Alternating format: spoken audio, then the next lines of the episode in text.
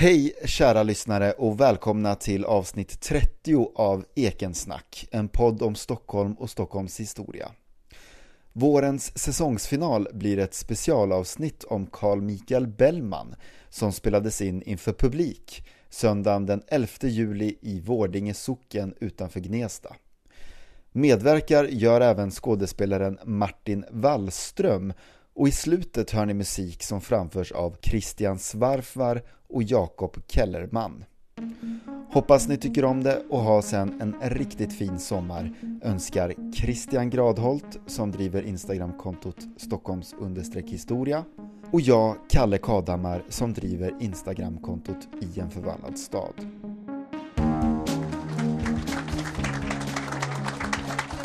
Kalle, har du lagt märke till hur eh, liksom, otroligt lummigt det är här i trakten? Det är liksom slående. Det är magiskt, underbart att vara här idag. Inte minst, jag antar att många av oss kommer från stan, Stockholm idag. Man blir liksom helt syrestinn va? Så, eh, och det var faktiskt en kille för rätt så länge sedan som spenderade eh, alltså ganska mycket tid här ute i trakterna. Men han var liksom inte lika imponerad som vi är. Nej, det är faktiskt Carl Michael Bellman vi tänker på. Den här platsen berättar nämligen något väldigt intressant om Bellman och hans liv och, och hur han faktiskt kom att skuldsätta sina föräldrar. Och det ska vi berätta om. Men först kanske bara liksom, vem var Bellman egentligen? Värt att nämna var, är kanske att han, han föddes ju på, um, i det här stor, stora Daurerska huset som ligger vid um, nuvarande Hornsgatan på Södermalm i Stockholm den 4 februari 1740. Och Malmgård är ju någonting som man hör ofta. Christian, vad var en Malmgård egentligen? Eh, alltså en malmgård är som en herrgård, eh, ett, ett större hus eh, som låg ute på någon av stans malmar helt enkelt. Man kan säga att det var den besuttna klassens fritidshus, alltså som ett landställe helt enkelt. Och de här människorna som hade de här malmgårdarna, de hade ju i regel en bostad inne i stan, inne i Gamla stan då, staden mellan broarna som man sa då. Eller kanske på Norrmalm. Men på somrarna om man hade liksom ekonomiska möjligheter, då vill man ju ut, eh, dra sig undan från stöket. Man kanske hade lite odlingar och man fick eh, frisk luft, helt enkelt. Och då köpte man ett hus på Söder helt enkelt? Eh, ja, precis. Eh, och det här att Bellman föddes i ett stort hus, det säger ju oss att eh, eh, han, var, kom från en välbärgad släkt.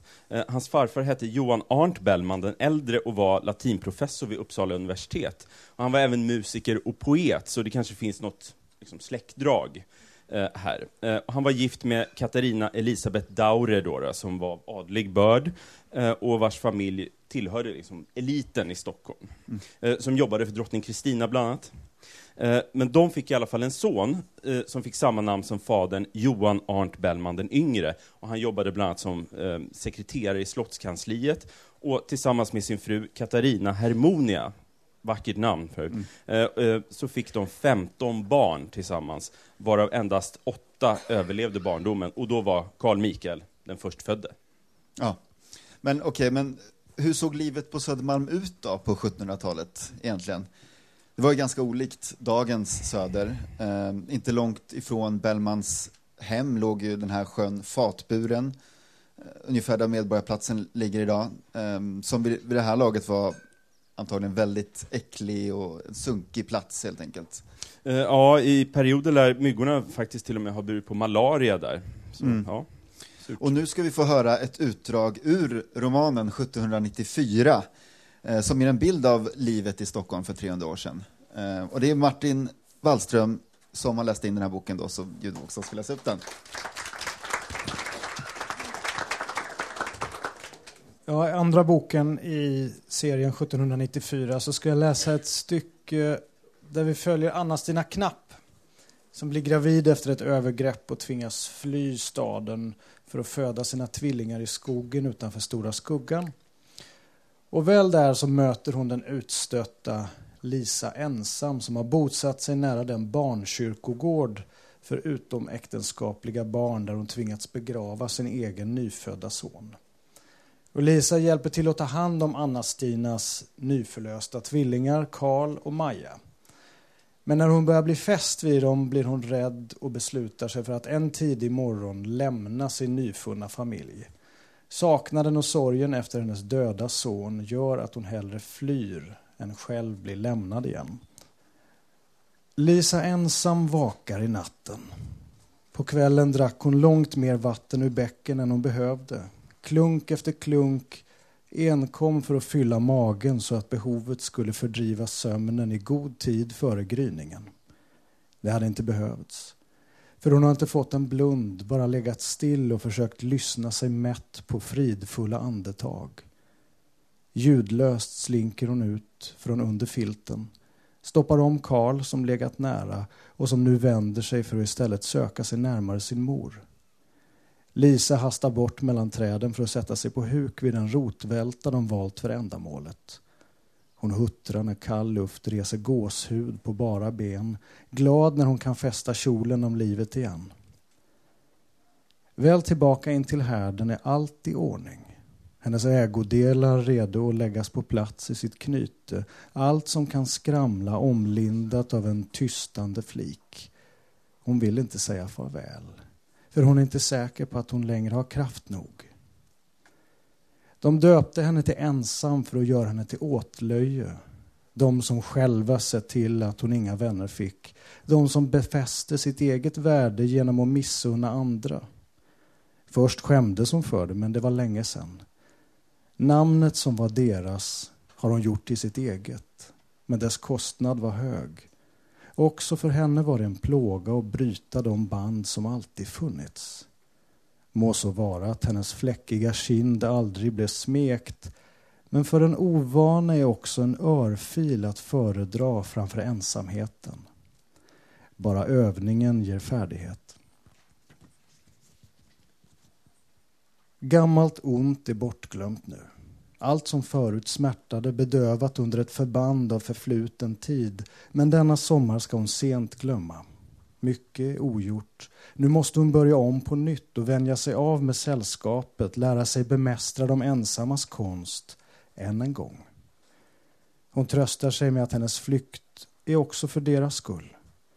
I Anna-Stinas sällskap hade frestelsen blivit för stor att förlita sig på deras gemensamma styrka, att tro att de själva hade haft kraft nog att vänta ut vintern och få sommaren i belöning när året skiftat.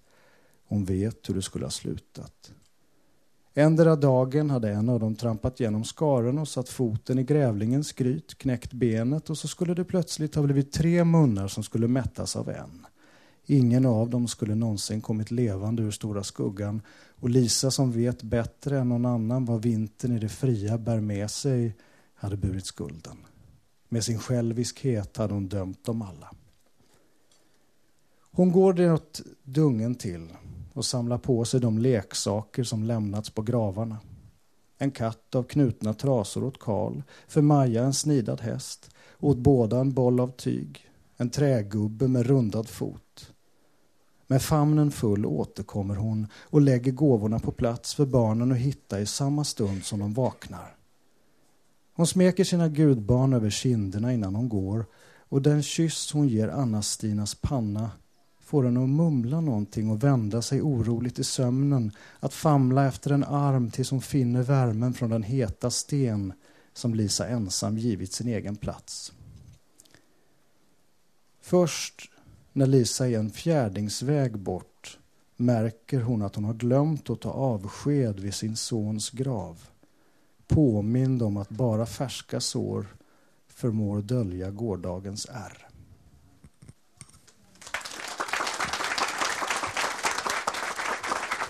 Wow. Ja, och där i 1700-talets Stockholm, då, där växte Bellman alltså upp. Han hade svårt för naturvetenskapliga ämnen, han fick hemskolning. Ehm, men den här hemskolningen kom successivt att handla mest om musik, och spela olika instrument och, och sådär, skriva poesi.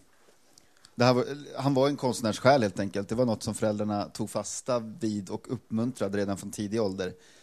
Men det är svårt att överleva som konstnär. Det kan nog flera här inne kanske bekräfta. Och det var ännu svårare på 1700-talet. Så Bellman fick egentligen förlita sig väldigt mycket på sin familj och han fick genom familjevänner kan man säga en praktikplats. En oavlönad anställning på Riksbanken som låg vid Järntorget, eller hur? Eh, ja, precis. Det, ja. Men han fortsatte att bo hemma hos sina föräldrar och eh, levde på lån från dem helt enkelt. Och på fritiden började han skriva dikter. Ja, eh, och eh, 1757 så debuterade Bellman som religiös diktare eh, med evangeliska dödstankar, som var liksom en bearbetning av ett tyst arbete på prosa med inströdda verser som han tillägnade sin kära mor, som han höll väldigt högt. Och han började skriva en del satir som publicerades i olika tidningar, och han blev ganska snabbt ett, ett stort namn inom kultureliten i dåtidens Sverige. Och han rörde sig i de här kretsarna och ungefär 15 år senare så blev han eh, Gustav IIIs hovskald. Det här uppdraget liksom var att eh, underhålla kungen med sång och poesi, men även skriva propaganda till stöd för kungen. Mm. Och mycket av liksom, hans verk och musikaliska gärning kan man googla sig till. Men vad som är intressant är att han fortsatt drogs med stora skulder. Um, han levde antagligen ganska slösaktigt kan man tänka sig när han befann sig mitt i Stockholms grädda. Och de här skulderna, de belastade också även hans familj.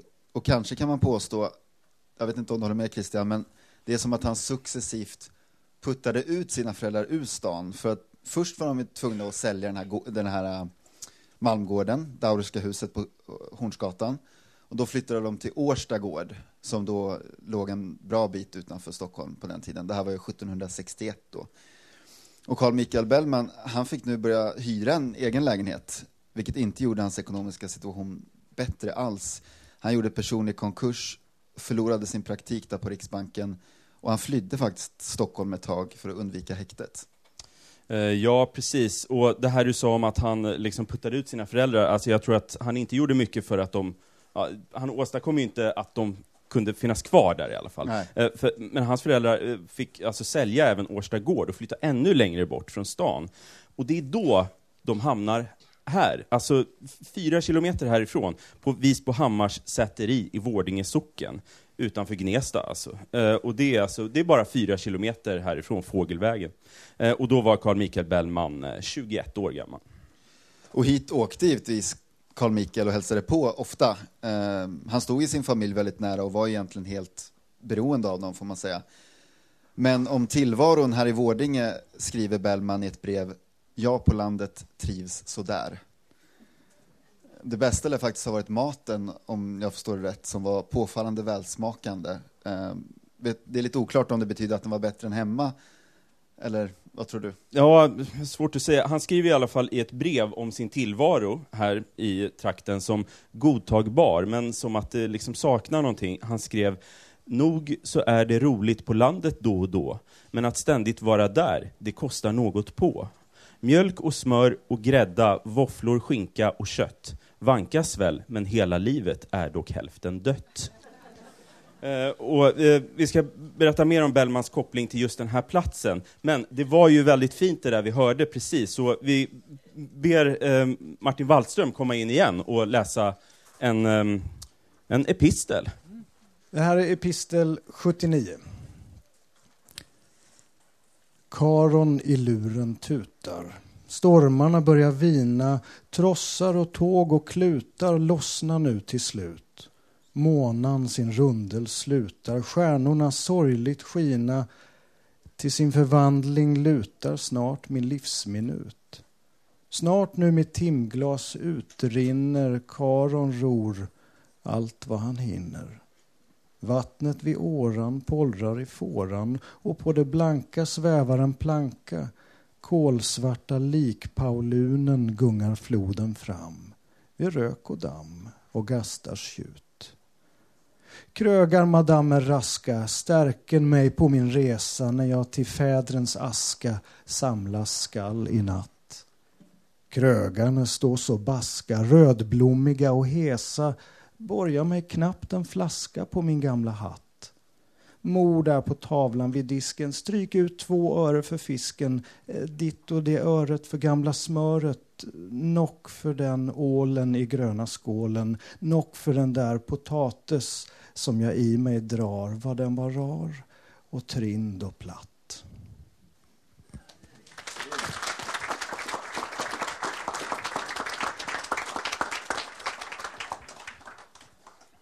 Katarina Hermonia, Bellmans mor, hon led ju av tuberkulos vid den här tiden.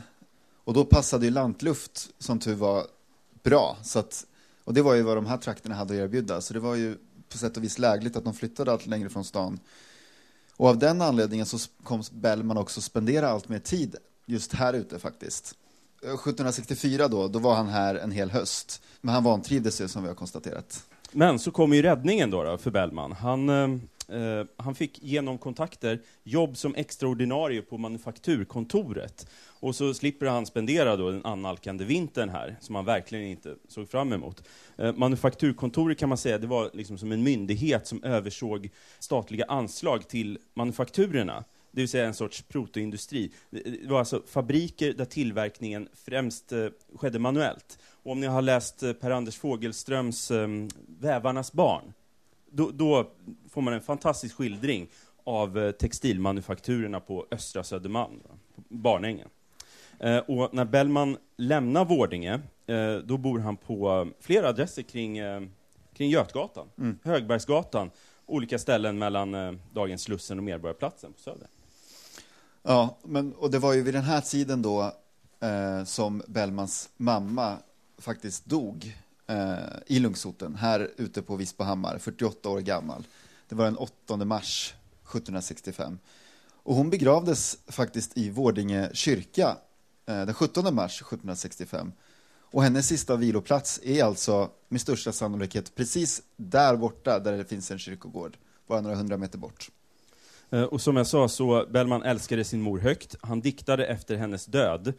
Så sover hon då sött och stilla, sen hon ut tidens bojor gått och druckit ur sitt sorgemått. Uti vårt buller, sorl och villa, nu nalkas hennes frihetsdag. Förlossningsklockan slår och klämtar och Gud sitt verk så sakta hämtar i några tysta andedrag. Och inte ens ett år efter moderns död så var det fans tur. Johan Arndt Bellman kämpade med sin konkursansökan när han dog Eh, den 27 december 1765. Och här vet vi inte vad han dog av, men han var allmänt sjuk och risig, det vet vi. Eh, och även han begravdes mycket riktigt då i Vårdinge kyrka, precis här borta. Eh, och det var den 7 januari 1766. Och vad vi, vad vi förstår så är det här, det här innebär slutet för Bellmans vistelse här ute. Men det är ändå otroligt anmärkningsvärt att tänka att föräldrarna till en så evig kraft i den svenska kulturhistorien vilar bara några hundra meter härifrån, där vi befinner oss i detta nu, och tänker på Bellman och hans verk som tillkom för 250 år sedan. Eh, ja, precis. Eh, alltså, värt att påpeka, det är väl att man e-, egentligen inte kan belägga med dokumentation exakt var föräldrarna ligger, för de, de hade inte råd med gravstenar eller ens gravplatser, eh, så de upptogs inte i gravboken, utan de lades i det så kallade allmänna varvet.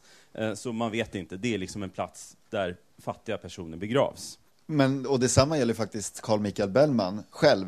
Man vet inte den exakta platsen han begravdes på, men det var ju vid Klara kyrkogård där hans kropp lades i jorden när han dog den 11 februari 1795. Han hade också då dragit på sig tuberkulos, eh, troligen under sin tid på häktet som han faktiskt hamnade på till slut på grund av sina skulder. Eh, bysättningshäktet. Bysättningshäktet, precis. Och det låg ju då i eh, högvaktsflygen vid slottet. Men han, han, dog alltså kort efter att han hade bailats ut därifrån och han ligger alltså någonstans vid Klara kyrka. Ja, men eh, alltså, det känns nästan lite som en symbolik här, för vi har liksom en person som inte lämnade ett enda fysiskt jordiskt spår efter sig, men vars gärning liksom på ett andligt sätt finns präglad i vartenda svenskt medvetande, eh, och som är liksom helt och hållet närvarande i den svenska evigheten, kan man säga. Ja, och för att runda av den här resan då från 1700-talets Södermalm till Vårdinge prästgård idag så ska vi nu få höra musik från Bellman. Så mina damer och herrar, nu är det dags för Christian Svarfvar och Jakob Kellerman.